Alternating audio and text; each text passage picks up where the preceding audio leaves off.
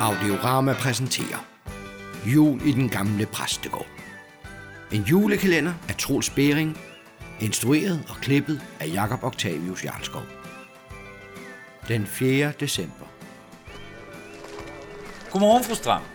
Godt, de kunne komme. Sig mig, hvad er det for nogle rædderlige salmer? Hvad mener de? Der er jo ingen af dem, der har det mindste med jul at gøre. Det er heller ikke jul endnu. Så jeg er med på, at i forretningerne, der starter julen i oktober. Men her i kirken venter vi altså til det rigtige jul. Det er da jul nu. Nej, nej, det er det. ikke. Det er først rigtig jul den 25. december. Det er advent nu. Bevar mig vel. Jul, advent. Det er da det samme. Med al respekt, fru Stram, men det, det er det altså ikke. Ja, ja. Men hvis de valgte nogle julesalmer, kunne det være, at der kom flere i kirken. Tak, det, det, skal, jeg, det skal jeg huske. Og Lars? Ja, hvad så? Øh, Jeg kan se, at du stadig ikke har fået åbnet adventskransen. Siger du, gudstjenesten skal lige til at gå i gang. Kunne du ikke lige få det fikset? Det forstår jeg ikke. Jeg var ellers sikker på, at jeg lige havde åbent det. Få den nu bare til at hænge lige, så kan vi gå i gang, ikke? Ja, det skal jeg nok. Øjeblik. Så, nu hænger den der. Så kan vi begynde gudstjenesten. Men hvad præsten ikke ved er, at der inde i væggen bor to unge nisser ved navn Augustin og Dut. Hey, du Augustin. Hvad er der, dut? Hvad laver du? Du har været så stille. Jeg kan stadig ikke komme på noget at drille præsten med. Ikke om han skal gå rundt og bilde folk ind, at jeg ikke findes. Ligner jeg måske en, der ikke findes? Øh, selvfølgelig ikke. Det var det her, jeg arbejdede på i går. Men hvad er det? Det her er et snoretræk. Se her. Når man hiver i den her snor, så løfter den sig her. Og når man løfter i den her snor, så løfter den sig der. Det er da smart.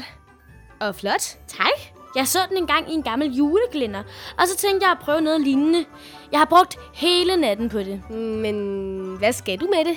Jeg skal drille præsten. Men hvordan vil du drille præsten med den der tingest? Det skal jeg vise dig. Se nu med. Jeg har bundet mit snoretræk sammen med adventskransen.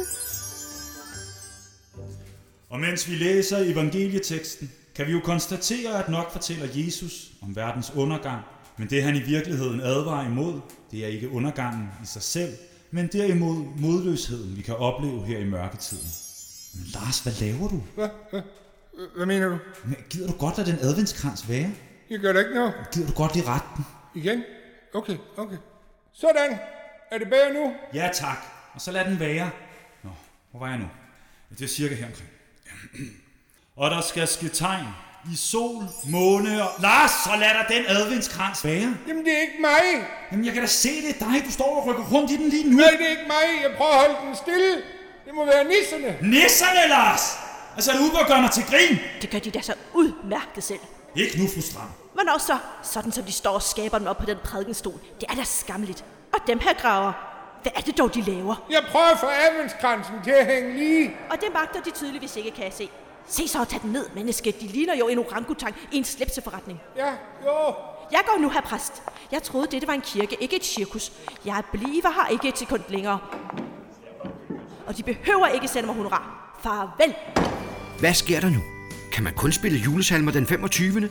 Er Sønder Bøvelse Kirke i virkeligheden et cirkus? Kan Graver Lars redde adventskransen? Og er sovnepræsten færdig med at skabe sig oppe på bredkestolen?